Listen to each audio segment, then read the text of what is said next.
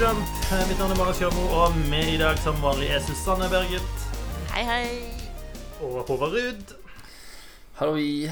Oi, går det bra med dere, folkens? Ja. Ja, som vanlig er eh, lite å melde. Ja. Folk er i full sving med arbeid, og eh, moralen er så lav som den bør være. Ja. Mm. Ja nei, det er, det er ikke lenger eh, 54 grader på balkongen, så nå syns jeg ting begynner å, å komme seg her. Å, kjedelig. Du må inn på kjøkkenet for å steke eggene dine, liksom. Det, ja. Ja. Ja, nei. Vi, vi, jeg har hatt fint vær i dag, så jeg mener nå har jeg fått dosen med D-vitaminer for de neste tre ukene her, så det er fint. Um, ja, ja, jeg tenkte kanskje vi skulle prate om dataspill i dag, jeg. Um, bare for å, for å hoppe rett i det. Um, og jeg vet at uh, du, Susanne, har kasta deg ut i uh, no, noe nytt Stemmer det? en brand spanking new release som eh, har gjort det ganske bra. Jeg tror den solgte over en million eksemplarer første uka. Eh, Vi, pra vi prater om uh, Cult of the Lamb. Cult of the Lamb. Spillet der du er et lam som starter en kult. Yes. Uh, og det er egentlig hele premisset. Jeg føler ikke Ja. at du trenger å vite noe mer om det. Uh, takk Nei. for meg. Nei da. Ferdig snakka. Eh, Åtte av ti. Ja. Eh, nei, jeg har spilt uh, Cult of the Lamb i snart 19 timer, tror jeg. Eh, vi er på dag 97 i in game-tid. Så jeg har holdt det gående en stund. Eh, akkurat nå så gjør kulten min det kjempebra. Vi har eh, stinn brakke, og det tilbedes og feires eh, over en lav sko. Så jeg har liksom masser av eh, faith og devotion, som det heter i spillet, til å bruke på å oppgradere både eh, kulten og, og meg selv og våpnene mine. Uh, Ja, for, for man trenger våpen som kultleder. Gjør det. Mhm. Uh, fordi ikke bare er man kultleder, uh, man er også på en måte sendebud for en gud som heter The One Who Waits. Eh, og det er han som har på en måte redda deg fra eh, døden. Eh, og eh, det, eh, så å si. Eh, alt du trenger å gjøre i, eh, i gjengjeld, er å, å starte en kult og liksom få masse kultmedlemmer og få de til å tilbe det, sånn at du blir stor og sterk, og så må du bare drepe noen folk. Eh, Du må alltid knuse noen egg for å lage omelett. Så, sånn Ja. er det jo. eh, Ja. Så du, du må drepe en sånn fire-fem stykker eh, som heter bishops, som er på en måte de som har eh, sørga for at the one who waits er låst inne og fanga, og ikke kan være med ut og ha det gøy eh, sammen med resten av gjengen. da. Eh, så han vil at du skal drepe de for han. Eh, og så ser jeg jo for meg at det ikke kommer til å skape noe som helst uforutsette problemer. Eh, Å slippe løs en gammel gud som du ikke helt vet eh, hva har for planer. Men eh, det blir spennende å finne ut av det. går sikkert fint. Men denne kulten du lager, da altså den, den, den kulten er ikke til denne guden. Kulten er til deg. Mm. Mm. De tilbyr deg, liksom. Eh, fordi da blir du stor og sterk, men du kan eh, velge å ofre eh, kultmedlemmer til denne andre guden, da. Eh, for å gjøre han sterkere. Men eh, måten du tilber ham på, er jo å drepe disse nissene som holder han innesperra. Sånn at han kan fri seg fra lenkene sine og komme ut i den virkelige verden igjen. Så The Cult of Lamb er jo dels uh, dungeon crawler, på en måte, og dels liksom sim, rett og slett. Hvor alt det du gjør i sim-delen, har på en måte innvirkning på det som skjer i dungeon crawler-biten, i og med at du oppgraderer kreftene dine og våpnene dine og sånne ting. Og så drar du ut i disse dungeonsene og knerter folk og samler inn ressurser. Eh, og dreper en bishop når du kommer så langt. Du må drepe fire minibosser før du kommer til en bishop. Så det er liksom mer enn nok å gjøre. Så du samler ressurser, og så tar du med disse ressursene tilbake til kulten, og så bygger du nye, nye kule ting, og så blir kultmedlemmene dine enda mer glad i deg, og så tilber de deg enda litt hardere, og så kan du oppgradere enda flere ting og eh, pimpe kulten din, da. Eh, så det er liksom en sånn my cult. Mm. Så det er en sånn fin liksom, symbiose da, i spillet mellom de to delene. Eh, og det har en ganske sånn fin progresjon, fordi etter hvert som du oppgraderer kulten din og kan bygge større og kulere bygninger, så trenger du også flere og mer forskjellige ressurser som gjør at du må flere ganger inn i disse dungeonsene og helst komme deg videre til neste område, sånn at du kan skaffe de riktige ressursene for å bygge nye, kule ting, sånn at du kan bli sterkere, sånn at det blir lettere å slå fiendene i dungeon crawler-biten. Så du kan samle inn flere ressurser for å bygge flere nye ting, sånn at du kan få flere følgere som tilbyr deg, og så ja da, ja da, ja da. Så sånn går nå dagene. Mm. Men hvor, eh, denne denne Sim-delen, hvor eh, flesha ut er den, på en måte? Altså, er det en er det et ordentlig er det et strategispill i de der, på en måte? Altså Ja, altså ikke nødvendigvis et strategispill, men det er på en måte mange systemer du må holde litt styr, styr på. Altså disse kultmedlemmene dine skal jo ha eh, steder å sove, de må fôres, eh, de må liksom snakkes med, og du må på en måte levele de opp i kulten, sånn at de blir mer og mer glad i deg. Hvis du ikke er tilstedeværende nok, eller du ikke oppfyller kravene dine, eller du dør for ofte, så mister de troa på det, og da har de en tendens til å gjøre opprør og spre eh, usannheter om det eh, i, til resten av kulten. Og da kan du risikere at alle bare drar sin vei og tar med seg alle pengene du har tjent opp, eh, blant annet. Huff da. Ja, så du må liksom eh, holde litt styr på de.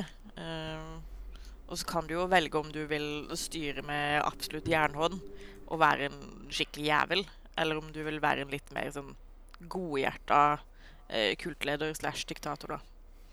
Hva er du gått for? Eh, som i alle andre spill så velger jeg å gå den gode ruta først, og så kan jeg heller gå den slemme ruta eh, seinere, når ikke alle kultmedlemmene mine er oppkalt etter folk jeg kjenner. Ja, det er også veldig fint å gå den gode først, kan du på en måte mappe ut alle mulighetene til å være kjip eh, til neste run. Det er, veldig, det er en bra strat. Ja. Altså, det skal jo sies at uh, av og til så får jeg litt nok av noen av følgerne mine, fordi da har de enten gjort for mye opprør, eller spurt meg om å gjøre ting som går litt over grensa på hva jeg syns er kult. Uh, sånn som å lure andre til å spise bæsj, blant annet. Uh, eller sende meg ut på sånn unødvendige oppdrag hvor jeg må samle ti av en ting som er liksom avhengig av RNG. Så det er veldig eh, forskjellig hvor mye og hvor ofte akkurat denne tingen spåner. Eh, og til tross for at jeg dyrker den i kulten min, så er det sånn Nei, nei, du må ut og samle den på den plassen den er fra. Jeg kan ikke ha disse økologiske, kortreiste soppene. Jeg må ha liksom originalsoppene. Å, Eh. Ja, så hvis du spør meg om sånne ting litt for mange ganger, så ofrer jeg det til uh, The One Who Waits. Høres, uh, høres innafor ut. Altså, tough love er også love. Det er viktig å huske. Mm. Mm. Så du må liksom holde styr på alle disse nissene, da. Jo flere du får, jo mer ting blir det å holde styr på. Og så tar det jo litt tid før man får oppgradert kulten sin. Uh, og før man får oppgradert kulten sin med de liksom mest basic bygningene, så går jo disse kultmedlemmene bare driter overalt. Eh, og så blir de syke fordi de går og trasker rundt i sin egen avføring, og så spyr de overalt, og så har du jo en du, plague Kan du- gående. kan du si altså, sånn, Jeg føler at alle som har sagt noe ment noe om dette spillet, de nevner bæsj. Eh, I en eller annen form. Er, er det mye bæsj i dette spillet? Er det, Ja. det er et viktig element eh, Ja, i det- Cult of the Lamp. Jepp. Et veldig viktig element. Eh, det fungerer både som eh, gjødsel og som eh, fôr og som eh, sykdomsspreder og som Ja, gudene vet. Eh, men eh, du får bruk for det, for å si det sånn. Så, så det lønner seg å liksom gå ut i en dungeon så fort som mulig og samle ressurser nok til å bygge en utedass. For hvis ikke, så så, Og så får du en jævlig nasty camp, for å si det sånn. Hmm. Men det som er Alle, Alle som har vært med- på festival, vet jo hvordan Ja. det kan gå. Ja, få opp så mange utedasser som mulig, og gjerne flere enn det du tror du trenger. Mm. Eh, eh, men det som er kult, som jeg syns er veldig gøy med spillet, er jo at du kan For det første så kan du jo navngi din egen kult. Eh, så min heter Simpekulten. Og så kan du jo også customize alle medlemmene dine. Så en av de første kultmedlemmene er eh, lagde, het jo så klart Odd. Eller Oddmann, da heter han i spillet. Uh, han har vært min mest trofaste og simpete kultmedlem. Uh, dessverre så avgikk han med døden i dag, da. etter 97 dager. Uh, og Ja. har blitt eh, eh, begravd og hedres eh, slik en eh, simp eh, bør hedres. okay. Dumpa han i et hull. Ja. Eh, så ja, eh, du kan liksom fikse på utseende og farge og gi alle navn og sånne ting. Så jeg har jo så klart er, er alle karakterene Er de dyr Ja. av ulike slag? Ja. Mm. Og har du forhånds... Det er ganske bra ganske morsom eh, Twitch-integrasjon også med det spillet her. Slik at du kan eh, rekruttere seerne dine. Mm. De kan være med i en sånn raffle, tror jeg, da blir valgt ut. Ja, det er jo Så dritkult. um, Jeg mener det en er eller annen kult der ute. Ja. er det en, en liten meg som går rundt i noens, eh, noens kult på internett? Så det har masse sånne små, søte, gøyale funksjoner. Og så er det jo Det er jo en historie bak der som du avslører litt etter litt. Eh, men akkurat nå, i dag, så har jeg merka at øh, spillet har slitt litt. Og det har krasja flere ganger. Eh, som er veldig irriterende, fordi jeg holder på å drepe den tredje bishopen, så jeg kan komme meg videre til neste nivå. Fordi det nivået har noen ressurser jeg trenger for å bygge en ting jeg trenger for å komme meg enda videre i eh, det nye stedet. Eh, så det har liksom Sim-biten går helt fint. null stress. Men så fort jeg går inn i en dungeon og liksom knerter noen folk, og så åpner jeg en kiste, så fryser hele spillet. Og så må jeg liksom stenge det og så prøve på nytt. Men uh, det Det er virker som det er et, ferdig, Ja, men det virker som det er liksom et kjent problem. Så Mm. uh, men fordi jeg ikke har kosta på meg PlayStation Plus på min konto, vi har det på Odd sin, så har jeg liksom ikke cloud storage av uh, spill-save-dataen min. Så jeg kan liksom ikke gjøre det trikset som er slett all lokal lagra save-data, og så laste ned på nytt fra cloud storage. Uh, så jeg må nesten bare vente på at utviklerne kommer med en patch av noe slag som fikser det problemet. Så at jeg kan Mm. spille mer. Ja, det var jo traurig, da. At uh, kulten må settes på pause. Ja. Ja, ja. Men er har du det gøy? Ja, jeg storkoser meg. Eh, det er kjempetrivelig, men det er også litt sånn eh, Når du er ute eh, på en dungeon crawl, og så plutselig det dukker det opp eh, beskjed om at Liksom Oddemann sulter. Stian har blitt dødssyk. Norbert er, har blitt gammel og ligger for døden. Tyfus Maria eh, gjør opprør og sprer usannheter om deg. Så, liksom, så, så kan du liksom ikke gjøre noe med det med en gang. Du må vente til du er ferdig med liksom uh, dungeon-biten, da. Det tar, av og til så tar det litt tid, og når du kommer tilbake til, uh, til leiren din da, så er jo alltid kaos, og liksom Fate-meteret er på, på null, og alle sulter, og det er liksom flere som går rundt med sånne små roperter og prøver å overbevise folk om at du, du ikke er uh, the second coming, basically. Så det er liksom Ja. det, er, det er litt stressmoment der. Og så er jo også dungeon-biten jævlig stressende, fordi det er så fuckings mye som skjer på skjermen til enhver tid. Og jeg liker jo egentlig ikke rogelikes eller dungeon crawlers. Så det er liksom Kampbiten, den er Altså, det, det er en sånn real time action-opplegg. mm. Mm. Så du går liksom inn, og så har du et lite våpen eller sverd av noe slag, og så har du et sånn spesialangrep som du kan bruke x antall ganger. Men det krever noe som heter fervor for å fylle opp meteret. Så kan du jo oppgradere sånn at du får mer av det, og fiender dropper mer av det og sånne ting. Og du får jo kulere våpen etter hvert, og kulere spesialangrep. Men det er liksom Du slåss jo ved å dodge med en knapp, slå med en annen, og så har du spesialangrepet på en tredje knapp, og det er liksom det. Mm. Eh, men fiendene blir jo stadig flere og stadig sterkere og får nye angrep for hvert eh, nytt område du låser opp, men også for hver liksom, runde du tar.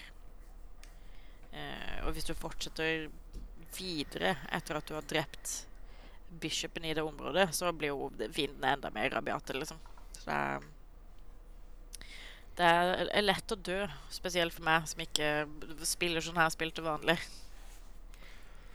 Så jeg har Hva jo er så klart konsekvensen av å stryke med i en dungeon eh, run? da? Jeg sp jeg spiller på liksom normal vanskelighetsgrad, så hvis du stryker med, så mister du 25% av alt det du har samla inn i løpet Mm. av den runnen, da. Men eh, det gjør jo også at følgerne dine mister troa på det. Eh, så det kan være at ting går til helvete i, i leiren også, på en måte. Mm. Jeg har liksom sett for meg at Cut Lam var sånn eh, liksom chill, eh, relax-spill. Så ha, så kan man hoppe inn 20 minutter og, og chille litt, grann, og så hoppe ut igjen. Men eh, det er ikke helt riktig, altså. Ja, ikke for min del, men det er jo fordi Mye fordi jeg vil at uh, kultmedlemmene mine skal ha det bra og skal like meg. Uh, så jeg legger veldig mye arbeid i å uh, blidgjøre de, da. Men jeg har jo også prøvd å redde hver eneste potensielle kultmedlem jeg kommer over i i disse dungeonsene, da. Så jeg har jo ganske mange å holde styr på. Til tross for at de dør som fluer. eh, så, så fyller jeg på, så det blir jo stadig flere. De har jo så mange krav som må man fylle opp. Og det koster så mye ressurser. Ja, Ifølge Machiavelli så er det jo lettere å styre med makt eh, enn med kjærlighet. Så du har jo tatt, eh, tatt den vanskelige stien da, åpenbart. Helt klart. Ja, ja. Nei, men det er godt at, uh, at det spillet innfrir. Uh, jeg ser jo det er jo uh, Det har jo fått mye skryt eh, over hele internettet. Um, Ja, altså jeg syns det er kjempegøy. Og jeg liker på en måte alle disse nye små mekanikkene de introduserer etter hvert som du progresserer gjennom spillet. da. Så det er alltid Mm. et eller annet nytt å forholde seg til som gjør at det ikke blir på en måte repetitivt og kjedelig. da. mm, det er så bra. Mm. Så du har jo, du har jo masse modifiers til våpnene dine, f.eks., og til spesialangrep, og på deg selv eh, i form av tarotkort da, som du kan samle. Eh, enten så finner du i dungeon, eller så møter du karakterer i dungeon som igjen har på en måte eh, steder du kan besøke i en slags oververden, for det er det også. Eh, så de har liksom butikker og selger deg tarotkort og gir deg oppdrag, da, som igjen gir deg andre ressurser som gjør at du kan oppgradere helt nye ting. da. Så det er Mm. liksom mange mange små systemer som fungerer sammen og gjør det til et veldig kult spill. Ja, men så bra. Mm. Det høres, høres veldig artig ut. Verdt å, å sjekke ut hvis du har 19 pluss timer. Eh, det, det er vel litt igjen til du kom til, til NS, så vidt jeg skjønte. Så Ja. Eh, men det har jo sikkert mye å si med at jeg egentlig ikke er så veldig god til å spille akkurat kampbiten. Eh, så det går treigt, og jeg dør mye. eh, men jeg ser jo andre som har liksom fullført det på 15-ish timer, da. Eh, Mm. Og gjerne har klagd over at det er for kort, og prisen per spillminutt er altfor høy. Ja, den, den gamle diskusjonen der. Ja. Mm, Det er jo alt som eh, betyr noe, selvfølgelig. Mm. yes. Eh, ja, så jeg, du får liksom ut av det så mye som du putter inn i det, føler jeg. Ja, Altså, jeg ser jo for meg at jeg kunne brukt ganske mye tid på å holde liksom kultleiren min eh, fri for bæsj, eksempel. Mm. Eh, ja. Så det kan fort- gått noen timer bare på det, tenker jeg, da. Nei, men bra. Cult of the Lamb eh, anbefales av eh, Susanne. Yes. Det er gode. Det er stort sett det du har bedrevet siste tida. Jeg skjønner jo at det er tidkrevende å drive sin egen kult. Um, Det er det. Det, det krever sin eh, sin mann, holdt jeg på å si. Eller dame, i dette tilfellet. Sin sau. mm, krever Ja. sin sau. Ja. En, en, en sau for sin hatt, eller noe sånt. Ja. Eh, du Håvard, du, du slutta å game, du. Driver ikke på med slikt? Av og til så virker det nesten sånn. Ehm, jeg husker liksom ikke hva jeg har spilt de siste par ukene, så, men det er ikke noe nytt. Ehm, men det var en, ting jeg kom på rett etter at vi var ferdig med å spille inn forrige episode, var jo at jeg brukte par kvelder av ferien min eh, på å spille My Friend Peppa Pig og et uh, Paw Patrol-spill som jeg ikke husker undertittelen på. Ja, dette- Paw Patrol. Ja. Dette er jo et spill som har målgruppe eh, Spillere i alderen Ja, hva skal vi si? Fem til åtte, eller noe sånt? Der et sted? Uh, på Patrol kanskje, det, ja. Peppa Pig sikkert eh, litt eh, lavere enn det. Mm. Uh, men grunnen var at de kom på De ble lagt til i GamePass, og uh, My Friend Peppa Pig er viden Kanskje ikke viden kjent, men er i hvert fall 1000 veldig lettkjente gamerscore. Så det tok meg kanskje ja, tre kvarter til en time å få 1000 gamerscore i det før jeg kunne avinstallere. Og um, Paw Patrol litt lenger. Uh, jeg tror Gjøran prata om Peppa Pig-spillet for sikkert et halvt år siden, eller noe sånt. Um, jeg erkjenner jo at jeg ikke er i målgruppa for det spillet, men det var ekstremt kjedelig. Um, Paw Patrol var uh, litt bedre. Uh, med sånn basic Basic plattformspill. hvor du eh, får ja, x antall eh, oppdrag, og så må du eh, Eller spillet består av x antall oppdrag som eh, løses da i, i to spann med to, eh, to av hundene som har hver sine egenskaper, som uh,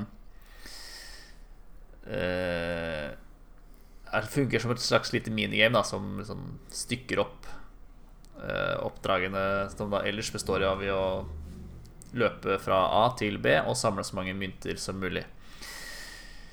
Eh, hvert eh, oppdrag avsluttes med en sånn slags eh, En slags Temple Run-greie. Hvor de har jo, hundene har jo hvert, sin, eh, hvert sitt kjøretøy som de kjører innover i skjermen. Og så må du dukke unna hindringer og samle mynter, eh, mynter på veien.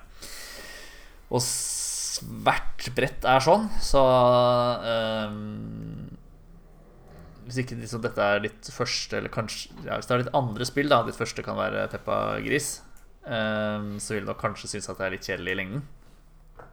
Men uh, det var også 1000 ganske lette gamerscore. Så uh, juli var en bra måned, sånn gamerscore-messig. Så ikke nødvendigvis anbefalt disse spillene, men eh, med mindre man er en Achievement Hunter som vil cashe inn Easy Gamerscore. Ja, altså til, til de jeg antar hører på oss, da, vil sikkert ikke finne veldig mye glede i, i noen av disse spillene. Men eh, jeg tror sånn mindre barn vil sånn si opp til ti år, da.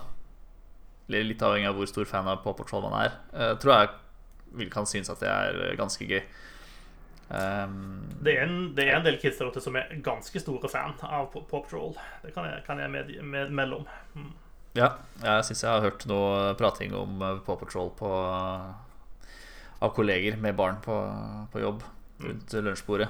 Ehm, jeg tror jeg hadde likt det veldig godt hvis jeg var eh, i hvert fall 20 år yngre enn det jeg er, da.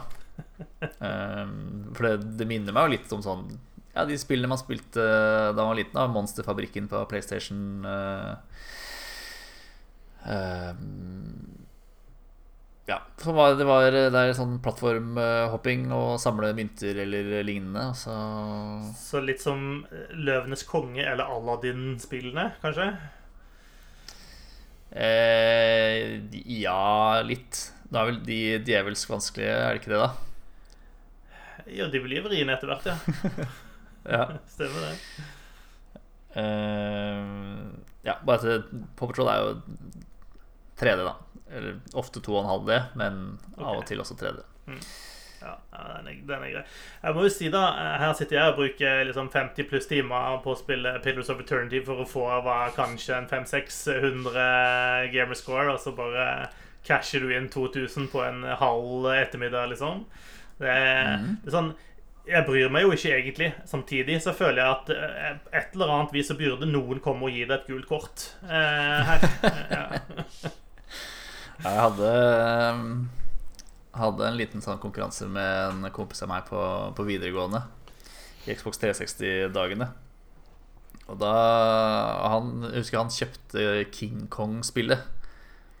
Som kom samtidig med King Kong-film. Den foreløpig siste King Nei, det er det ikke. For det kom en King Kong versus ja, Det var i hvert fall en King Kong-film som kom sånn 2007 eller eh, der omkring. Med Jack Black i en av eh, hovedrollene. Mm. Det, spillet kjøpte han bare for å få 1000 gamerscore. Um, for, å, for å dra ifra meg, da, på, på oversikten. Kan i hvert fall si at eh, Microsoft lykkes da med den innføringen av achievements og gamerscore. Da. Det gjør jo tydeligvis at folk kjøper spill bare for det. tydeligvis Ja, jeg tror det er et Avatar The Last Airbender-spill også som eh, er populært blant uh, gamerscore-entusiaster. Hvor eh, Der kan du få 1000 gamerscore på fem minutter.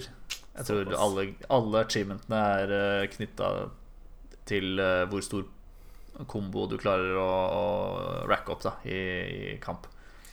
Så det er fem, fem achievements eller noe sånt, hvor alle bare er et høyere tall enn forrige achievement i, i kombo. Ja, for det er sånn Tilbake i den spede begynnelse på dette gamerscore-systemet til Microsoft, så var det jo en del spillutviklere som Jeg vet ikke om de ikke visste helt hvordan de skulle bruke det, eller om de ga litt faen, syntes det var litt teit, hele greia, kanskje. Men i hvert fall la veldig lite i det. Eh, så spillene som kom i begynnelsen, hadde kanskje fem eller seks achievements, og alle var på 200 gamerscore hver. Eh, i varierende vanskelighetsgrad. Jeg husker noen av de første Fifa-spillene som kom, var av den typen der som hadde sånn fire, fem, seks achievements. eh. Ja, og der, jeg husker Fifa ble jo bedre eller verre, litt avhengig av hvordan man ser det. Uh, var det Fifa 09 Tror jeg hadde en achievement som jeg tror var å score i, i det 89. minutt, og det ga 19 gamerscore. Åh, Som jo gjorde at eh, game, den totale gamerscore-summen din ikke kunne deles på fem. Yeah. Og det, det likte jeg svært dårlig. Uh, men heldigvis var det jo en achievement for å Hva skal vi si rette opp i dette. Uh, den achievementen ga én gamerscore og var å spille 50 timer. Så mens eh, alle vennene mine hoppa over til eh, Fifa 10, så satt jeg fortsatt og grinda Fifa 09 for å få denne, denne den achievementen. Jeg, jeg tror ennå at jeg er sånn der det et, et tall som ikke kan deles på fem. Eh, For gamerscoren min, for å si det sånn. Det er provoserende. Ja, det er jo det. det, er jo det. Eh, jeg husker også jeg hadde et Det var et av de De første Fifa-spillene som hadde noen Så, de hadde bare sånn fem-seks achievements, men det var et par av de som var jævlig vanskelige. Uh, det, er en, det var en Jeg husker jeg satt og jobbet så jævlig med, det, med en. Uh, jeg tror det er Det er ifra en uh, Det er tatt ifra en faktisk fotballkamp der Sverige spilte mot Brasil i VM, sånn i Pelé sin heyday, eller i starten av Pelé sin karriere, eller noe sånt. Så, så må du spille på Jeg tror du må spille på høyeste vanskelighetsgrad. Kampen starter i sånn 89. minutt, og du må skåre tre mål med Sverige eh, for å få den achievementen. Og det, ja, ja. Jobbet mye med den, ja, men jeg fikk den til slutt. Så det, det var en god sommer. Eh, det var det.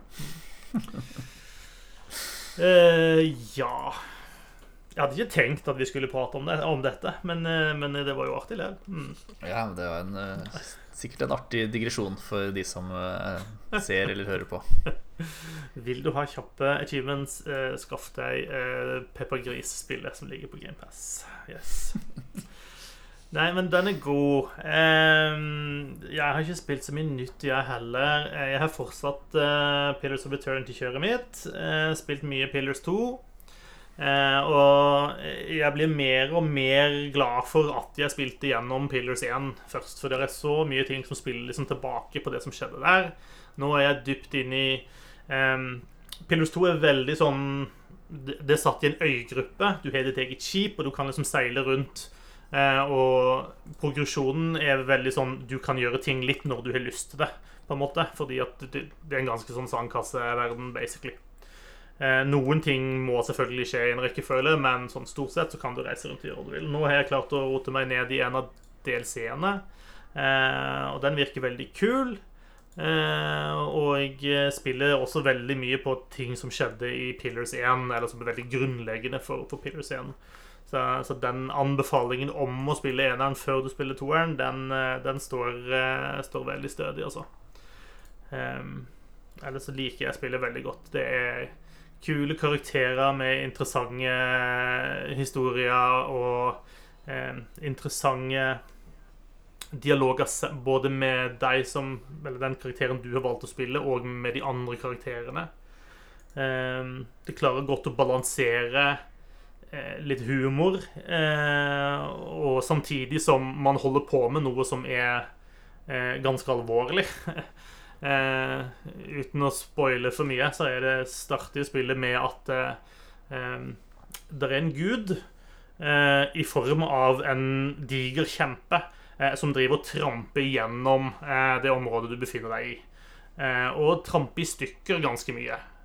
og du skal liksom prøve å stoppe dette, da. Eh, og alt dette henger sammen med ting som skjedde i, i Pillars-scenen. Eh, så det skjer liksom dramatiske ting.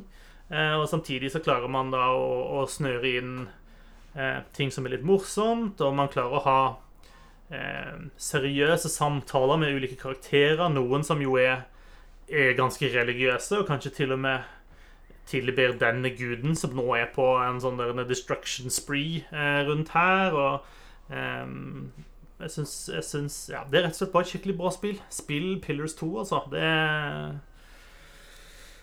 Jeg koser meg masse. Jeg kan ikke si noe annet til det. Jeg er spent på hvordan slutten blir, da, så jeg gleder meg til å komme dit. Jeg tror jeg har litt igjen ennå, men um, veldig bra. Og de utvidelsene virker som at de også er veldig solide og har mye innhold, da.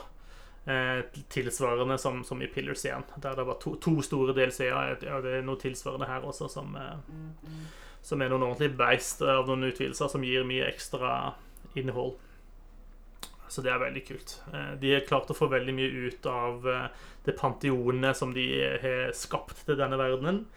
Som, som, er ganske kult, og som du er ganske involvert i. Og det gjør at jeg også blir mye mer gira til det neste spillet i Ikke i serien, men, men i universet. Det som heter det generiske tittelen som jeg aldri husker.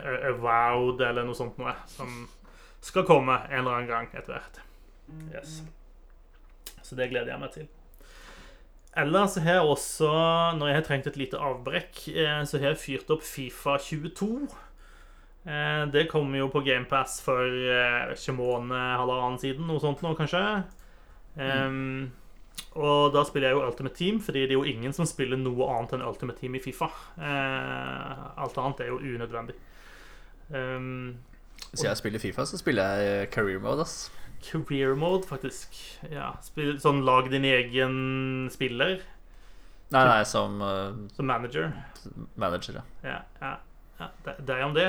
Uh, nei da. Uh, men det som i hvert fall er litt Det er en ganske pussig opplevelse å komme inn i Fifa Ultimate Team helt på slutten av et Fifa-spill sin uh, livsfase, da.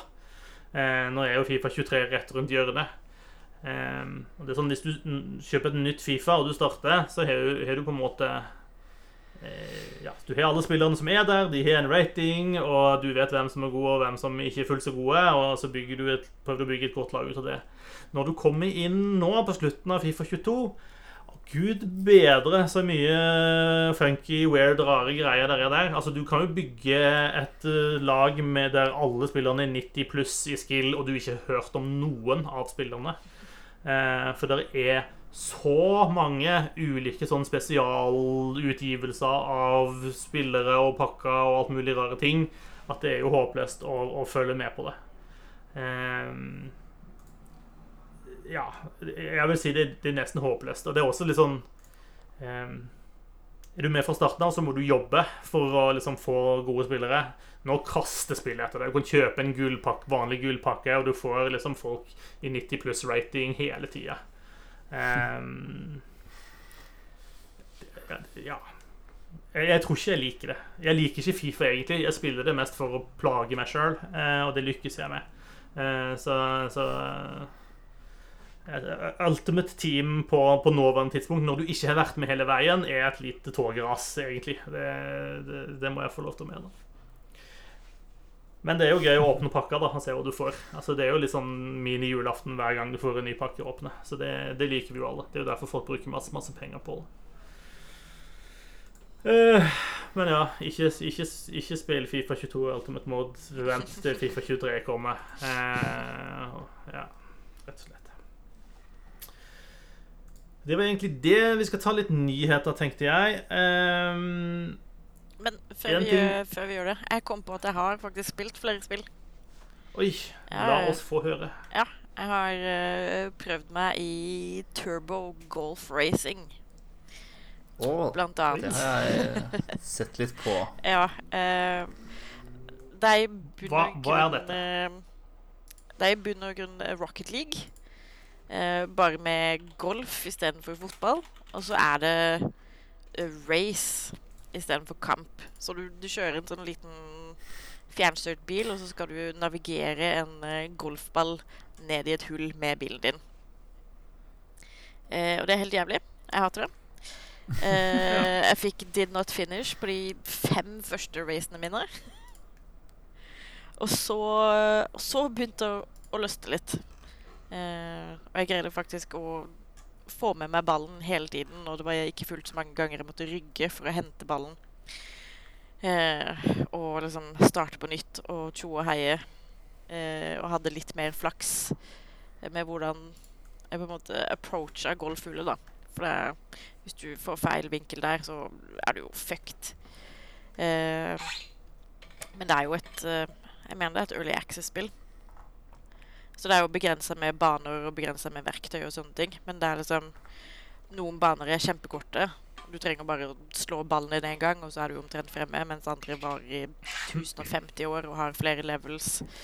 Eh, og liksom hemmelige shortcuts og det, det ene med det andre.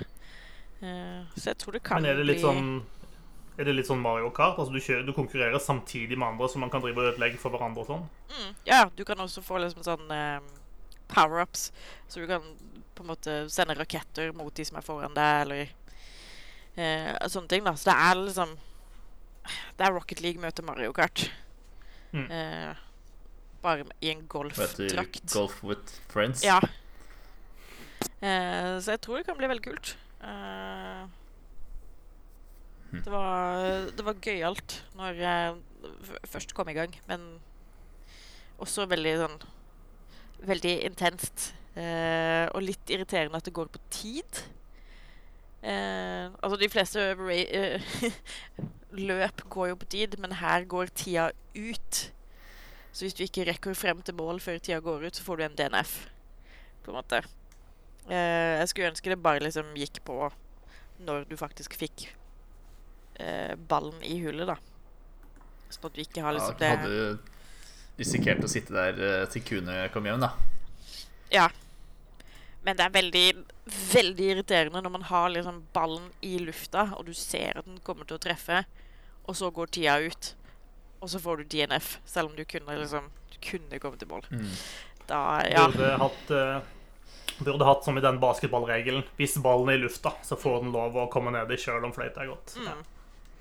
Eh, så det var eh, mange instanser hvor det ble ytret eh, noen obskuniteter, for å si det sånn. Både mot spillet og golf i sin helhet, og også utviklerne. Eh, så vi kan vente altså, Golf en, er jo en kjempekjip sport i utgangspunktet. Ja. men dette er kanskje et forbedring på golfkonseptet. Jeg vil påstå det. mm.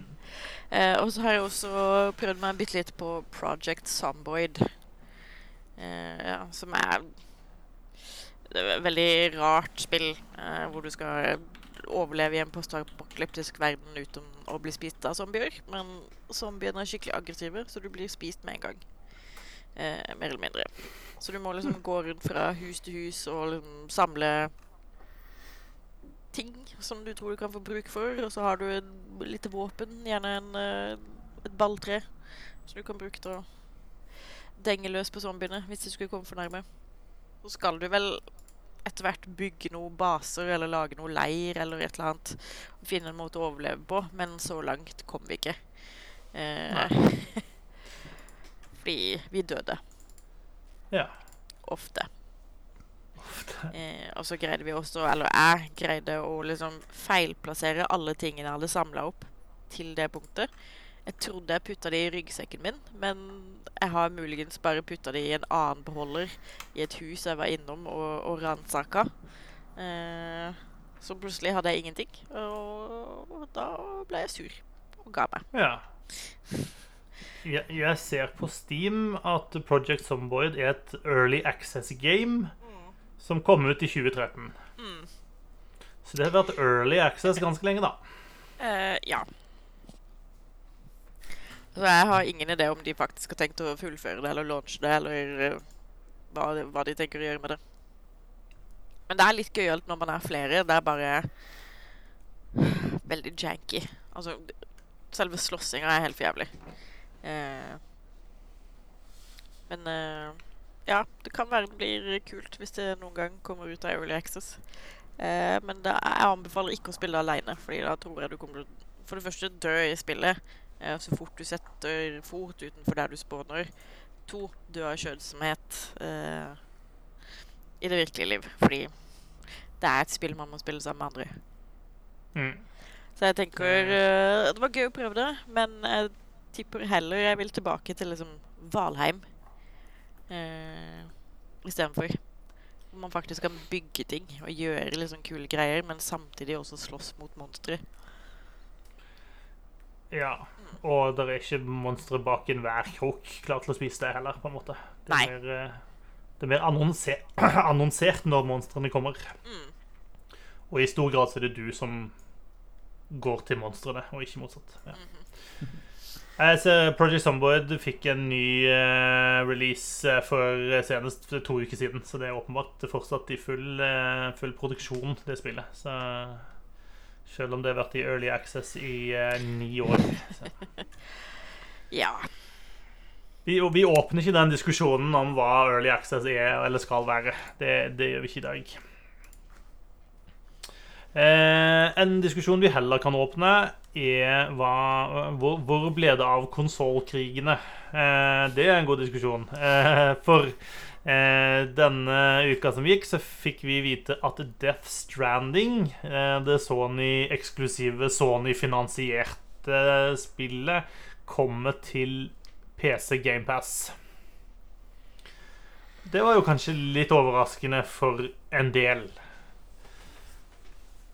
Eh, Ja, men det er vel en logisk forklaring på det, er det ikke det? Mani. Manis, men uh, jeg, tror, jeg tror ikke Sony nødvendigvis eier rettighetene til PC-porten. Nei, og det er vel også sånn at det er den Altså, det er porten av det originale Death Stranding, og ikke av Jeg vet ikke hva den heter, den fansutgaven. Game of the Year-utgaven, eller whatever det nå kalles. Den, den nyere utgivelsen som de kommer med, da. Mm. Ehm, så det kan godt være at det, det, rett det er noe sånn lisens-triksing eh, triksing og miksing inni der. Det føles fortsatt litt rart at ikke Sony kan si Hei, du, det der syns ikke vi er noe kult. Eh, da de all tid er de som står har lagd spillet, på en måte. Ja. Hvis, hvis de er interessert i det, da, for all del. Eh, det, Sony har jo ikke uttalt seg om det. Microsoft har jo eh, anklagd Sony for å betale utgivere for å ikke legge spillet sitt tilgjengelig på GamePass. Um, er en freidig uttalelse fra Microsoft, syns jeg.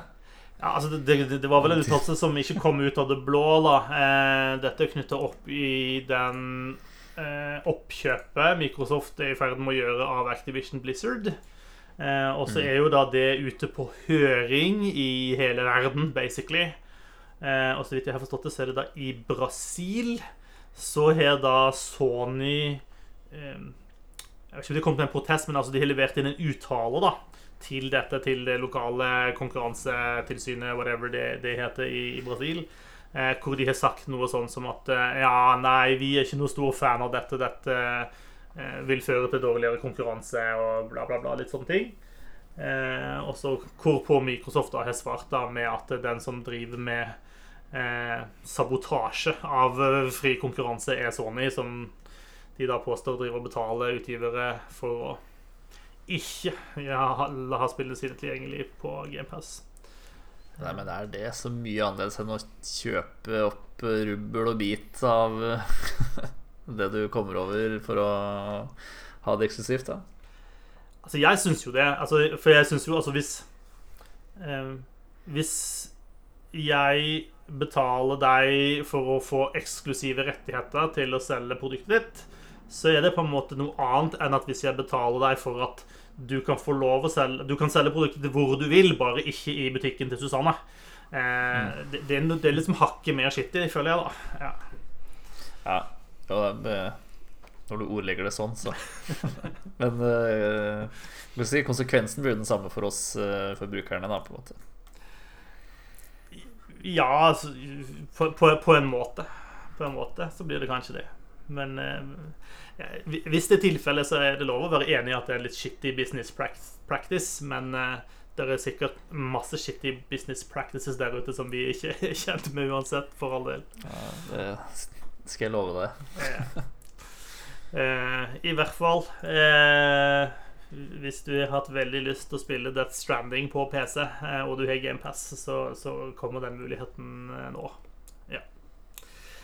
Eh, Dpad Studio. Et norsk utviklerfirma som holder til på min side av fjellene.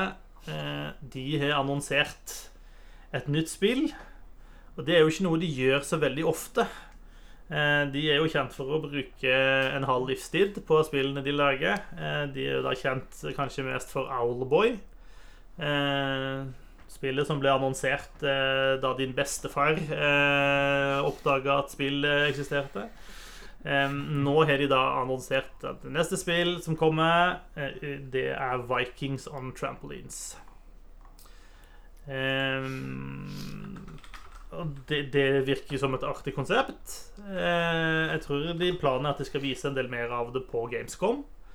Eh, men det skal jo sies at det er jo ikke altså Selv om det spillet nå er annonsert som det neste spillet deres, så er jo ikke eh, si, Deepad er kjent for å bruke lang tid på spillene sine, og dette spillet har på en måte levd i i beste velgående Ja, hvor langt var det i sporet tilbake? 2011, eller noe sånt nå? Eh, for i, 20, i 2011 så vant Vikings on Trampolines eh, noen sånne awards på Nordic Game og noe sånn Nordic Indie Game Exhibition og sånne ting.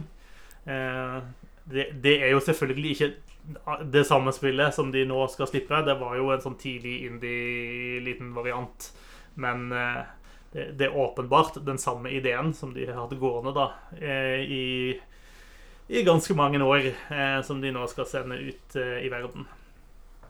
Jeg ser på traileren til Vikings on Trampolines nå. Der uh, står det 'Game of the Year'. Ten years ago. um, for dette her For jeg husker jo det Det var jo noe av det første liksom, som kom fra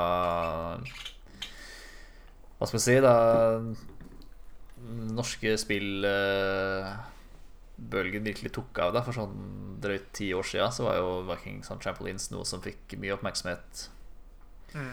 back in the day. Så det er morsomt at de bygger eh, Bygger ut på ideen.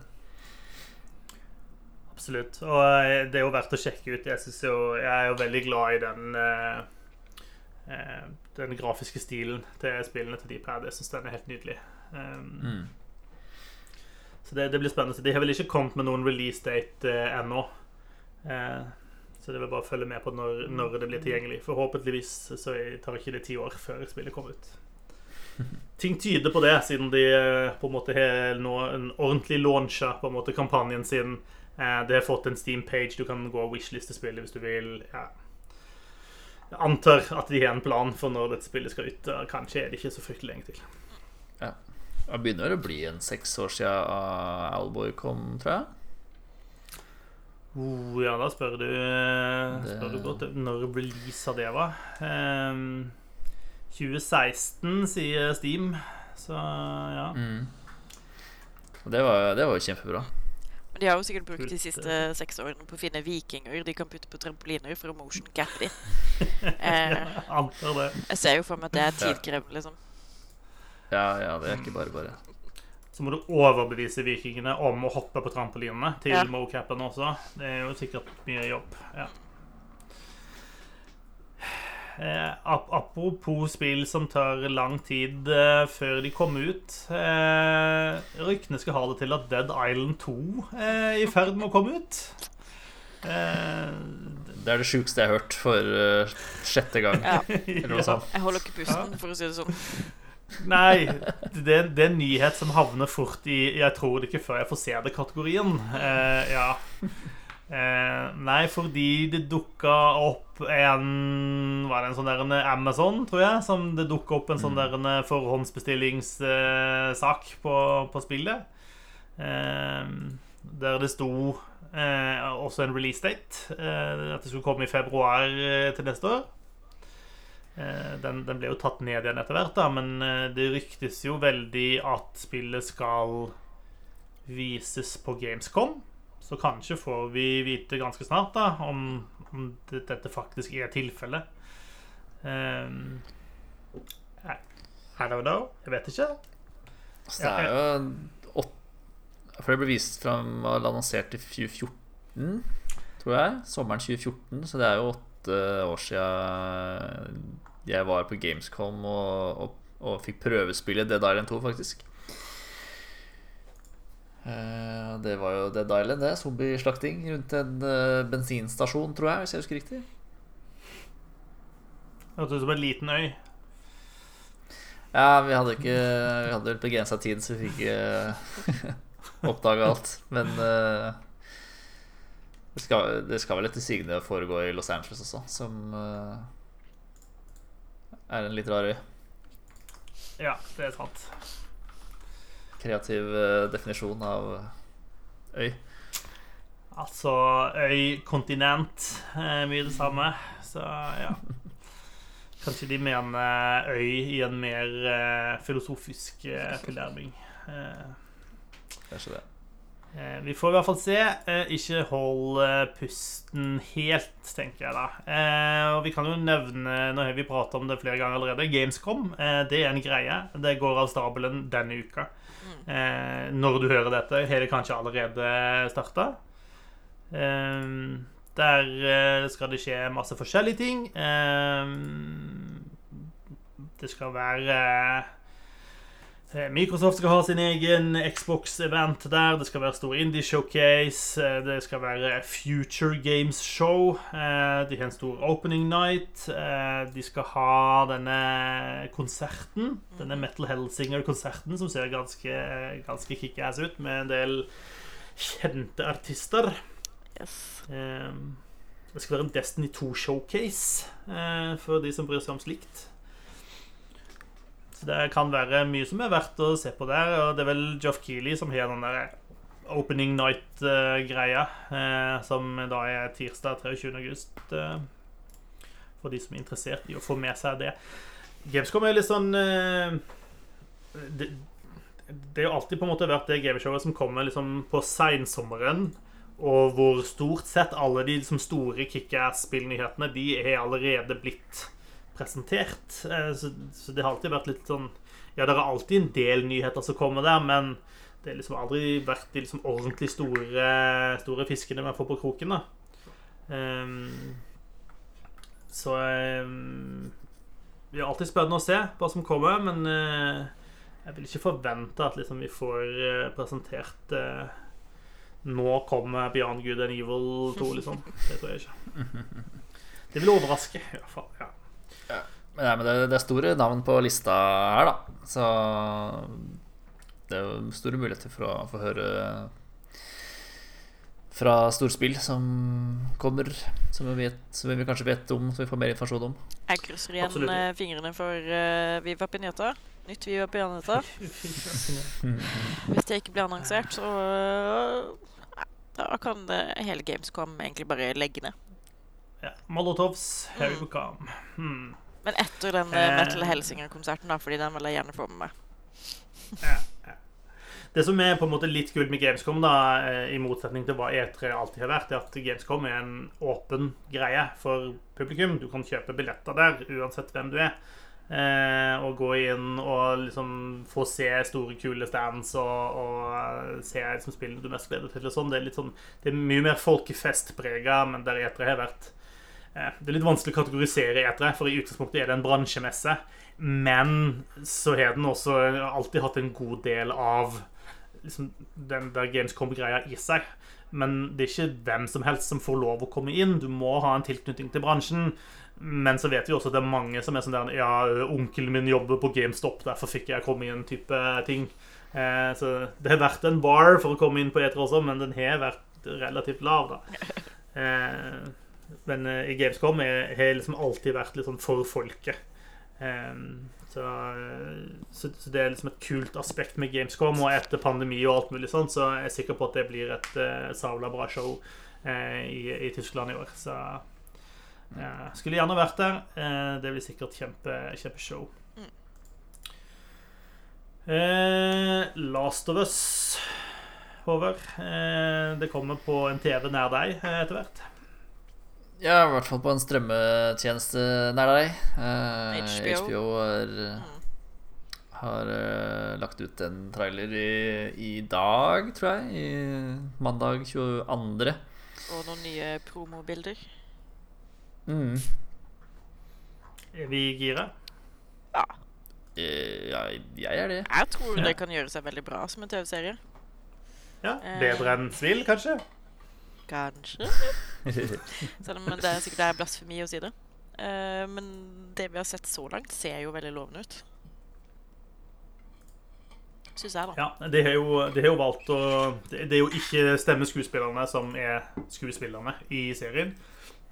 Selv om jeg har skjønt at de store stemmeskuespillerne også skal ha noen sånn gøyale cameos eller et eller annet sånt i serien, men uh, Mm. de, de har valgt å gå for eh, noen mer etablerte eh, skuespillere, det kan jo godt være tenke seg at det er, et Men, smart valg. Også stemmeskuespilleren til Ellie er jo altfor gammel til å spille Ellie.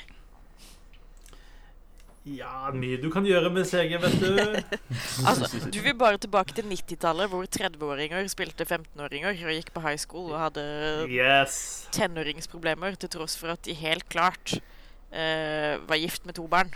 Eh, Jeg er helt sikker på at hvis du finner en eh, raff nok skinnjakke og en kam med mye brylkrem på, så kan du få John Travolta inn på high school igjen. Det går helt fint.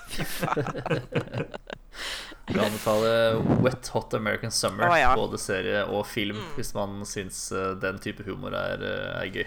den er kjempebra. Ja, det, det er morsomt. Eh, apropos TV-serie. Eh, jeg føler liksom tida er liksom skrudd, skrudd tilbake. Eh, men vi er, står nå overfor eh, både mer Ringenes herre og mer Game of Thrones, som er i ferd med å treffe TV-skjermene våre. Game of Thrones kanskje til og med i dag at det har premiere, tror jeg. Eh, mens, mens Ringenes herre-serien har premiere om en uke eller to. Eh, hva tenker vi om dette? Er vi, er vi gira for, for disse tingene, eller er det litt sånn Altså, for Jeg litt var, jeg var litt gira på uh, House of Dragon. Uh, men jeg har jo ikke sett House of Gucci, så jeg vet ikke om jeg greier å følge storylinen. Eh, men du har sett Huset med det rare i, har jeg har du sett ikke det? Hus med Derari, så ja. Mm. Men eh, jeg mista litt interessen når jeg så at liksom eh, Produsentene var litt sånn Ja, nei, vi har skrudd ned romanseplottene som var i den originale serien, og så uh, hatt litt mer fokus på uh, på seksuelle overgrep i stedet, for å gjøre serien mer uh, gritty og tidsrealistisk. Som er et spennende valg å ta når du, historien foregår i en fancy verden i en tid som aldri har eksistert i vår verden. Det er vel mye incest i Targaryen-familien, da. ja. eh, men man kan jo også argumentere for at det er forskjell på incest og seksuelle overgrep. Sant. Noen ganger så er det jo eh, frivillig. Eh, sikkert ikke så mye i Targaryen-familien, men I Alabama, for eksempel. Mm. I Alabama, for eksempel, Ja. er det eh, sikkert Men ja. oftere frivillig. de har jo De har jo tatt noen valg, på en måte. Og det å Mm. unnskylde med at Ja, nei, men det var sånn det var i den tidsperioden. Uh, er litt sånn Ja, nei, du bare Du syns dette er kult og vil ha det på TV. Det, det er viktig at fantasy-seriene våre er historisk korrekte. Eh, ja. Eh, til tross for at her er det også eh, drager og magi og eh, det ene med det andre. Så jeg tror av de to seriene så er jeg nok litt mer spent på eh, Ringenes herre-serien. Ja, det er jo eh, jeg, jeg vet ikke, altså. Det er sånn derre Det var på en måte et tidspunkt i livet mitt hvor jeg var sånn superfanboy av litt forskjellige ting. Ringenes herre var en av de. Eh, Jeg var han nerden som liksom satt alene i et hjørne på ungdomsskolen og leste liksom Ringenes herre på det liksom originale Tolkien-engelsken fra liksom 70-tallet. Eh, og liksom Star Trek og liksom så ordentlig bra nerdy ting, da. Eh, altså Jeg har nådd et tidspunkt da hvor jeg, jeg, jeg har fått det litt i halsen. Det, det blitt, det blitt, altså Fandommen i seg sjøl har blitt litt for mye for meg.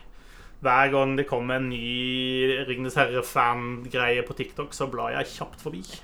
Eh, for jeg orker bare ikke forholde meg til det lenger. Eh, og jeg er litt usikker på om jeg er klar mentalt for å gå inn igjen i liksom Ringens herre-fandommen og skulle eh, måtte møte meg sjøl i døra der, rett og slett. Ja. Ja, jeg er desidert mest gira på House of Dragons. Eh, jeg syns jo ikke Ringenes herre-filmene, i hvert fall, er uh, noe særlig bra. Så oh, Wow! jeg vet Bare, jeg er bare eh, slipper den brannfakkelen sånn på tampen av sendinga. Ja, så nå må jeg gå. Ja. Ha det bra. Eh, nei da. eh, nei, jeg har aldri helt sånn skjønt hypen med, med de. Det er fordi du er dum. Uh, ja, så kanskje jeg la meg overbevise av serien. Ja, vi får se. Eh, jeg vil jo slenge inn Jeg syns at uh, Ringens herre-filmen er dritbra, men vi kan godt diskutere hvor gode Hobbiten-filmen er. Der, eh, der har jeg noen innvendinger, eh, men de kan vi ta en annen gang. Eh, men en, en siste nyhet eh, som ikke er helt eh, urelatert, er jo at eh, de som eier rettighetene til Ringenes herre, har bytta hender. Fordi eh, Embracer Group, eh, dette svenske vi kalle de et investeringsselskap eller noe sånt noe, eh, som eier veldig mange spillselskap, eh, annonserte nylig at de hadde gjort eh, noen oppkjøp. Eh, og lista da opp flere eh, spillselskap av ja, sånn relativt små spillselskap. Eh, og jo, forresten, vi har også kjøpt rettighetene til Ringenes herre. Som jo er litt spenstig. Eh, og ryktene skal jo ha det til at de fikk dette altså de, Vi vet ikke nøyaktig hva de betalte for det. De sa vel at det totale oppkjøpet da med de rettighetene og disse ulike spillselskapene de kjøpte, var på 700 og et eller annet 788 millioner dollar. Eh, og man antar vel kanskje at Ringens herre-rettighetene utgjør brorparten av den summen. Eh, men analytikere mener jo at det er fortsatt godt under halvparten av det de rettighetene kanskje burde være verdt. Eh, så man syns det er litt pussig. Og så viser det seg også at det er noen caveats med de rettighetene. da, Så man har ikke rettighetene til absolutt alt som har med Ringens herre å gjøre. Eh, blant annet så har Tolkien Estate de behold, har beholdt rettighetene til å publisere bøkene. Så den rettigheten følger ikke med. Eh, og de har, altså de, de har kjøpt rettighetene til Ringenes herre og Hobbiten, men de har ikke rettigheten til de øvrige verkene til Tolkien, som Silmarillion og Unfinished Tales. Eh, og så er det også en sånn rar greie med TV-rettighetene der. For der er det et eller annet som går tilbake til en eller annen avtale gjort på 70-tallet, som gjør at eh, altså Det er noe med rettigheten til å produsere en TV-serie som er lengre enn åtte episoder. Eh, har de ikke. Eh, som også er grunnen til at vi nå får en, en Ringenes herre-serie eh, øyeblikk eh, som er uavhengig av denne avtalen. da og, og, noe av det, disse tingene kan jo da også være grunnen til at denne rettighetspakken kanskje er, mindre prissatt enn den, den kanskje kunne vært. da. Eh, men hvem er Embracer Group, spør du deg kanskje? Eh, jo, det er jo da en gjeng med svensker som eh, har bytta navn eh, noen ganger. Eh, he, de het Nordic Games tilbake i gamle dager. Så kjøpte de på et tidspunkt opp THQ eh, når de gikk eh, totalt konkurs. Og så endra de sjøl navn til THQ Nordic. Ja. Eh, men nå heter de da bare Embracer Group, og de eier en hel haug med De eier bl.a. Gearbox eh, Entertainment med alle deres eh, underutviklere. De eier Amplifier Game, de eier Coffee Stain. De eier det som het Kokk Media inntil ganske nylig, som nå har endra navn til Playon, som er et kjempeteit navn. Men kanskje det, folk syns det er mindre he-he morsomt enn Kokk Media. Jeg vet ikke. Endre har de i hvert fall gjort det. Eh, de eier Saber Interactive, og de eier da nevnte THQ Nordic. Eh, de eier også en del De eier ting mobilutviklere, de eier brettspillutviklere, de eier tegneserier, de eier Dark Horse Comics, for eksempel. Hæ? Eh, ja da, så de eier ganske mye gøy. Ja, Starbreeze Studios òg, gjør det ikke det? Sikkert. Jeg vet ikke, men Mange av de tingene jeg nevnte, er jo også bare på en måte overselskaper som igjen eier masse spillselskaper under seg. Så det, det, ja. det er blitt en ganske stor gigant etter hvert. da. Eh, så det blir spennende å se hva de har tenkt å gjøre med disse rettighetene. Men sannsynligheten er jo stor for at det skal komme mer Ringenes herre og Hobbiten-spill, vil man jo tro. Eh, så blant annet han eh, hva heter han denne Gearbox-sjefen som er så veldig glad i å poste skiftkoder på Twitter hele tida? Eh, han var i hvert fall ute og kommenterte på dette og syntes at dette var kjempegøy. Bare vent, nå dukker snart Ringens herre-folkene opp i eh, Opp i uh, si Tiny Tinas Wonderland og sånt. Eh, det, det, det, tror og håper jeg var en spøk. Ja. Mm. Har ikke Gearbox en teaser om et eller annet uh, innhold som de skulle vise fram uh, om noen dager. Som helt sikkert på Gamescom, da. Kanskje det er uh, Legolas av Dragården. Borderlands 3. Eller Tine Tines. Mm.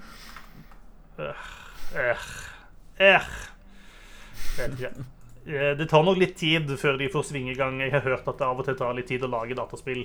Og siden rettighetene nettopp kom til mål, Kanskje vi ikke får se noe med det første. Eh, så inntil videre så får du klare deg med det der Gollum-spillet som kommer etter hvert. Eh, som, som, ingen har lyst til å spille. Nei. eh, og on that note så tror jeg vi gir oss for i dag. Det var hyggelig å se dere igjen. Vi er tilbake om plutselig 14 dager sånn cirka. Eh, kjekt at du var med oss. Eh, fra meg sjøl og Håvard og Susanne. Eh, ha en fin hva, hva, hva, kaller man det når det er to uker? Gir man noen sånne Gir man en sånn betegnelse på det? Jeg føler vi har en sånn gammelnorsk greie på det. Halvmåne. Halvmåne. Fortnite, Fortnite, er det det? Ja. ja. Ha en god Fortnite. Det hørtes fryktelig det, Jeg kjente det, det, ikke, det, lå ikke godt i munnen. Jeg sa det. Ha en god Fortnite. Fortnite, yes. Eh, ha det bra, eh, og på gjensyn, gjenhør. Hei så lenge. Bye. Ha det bra.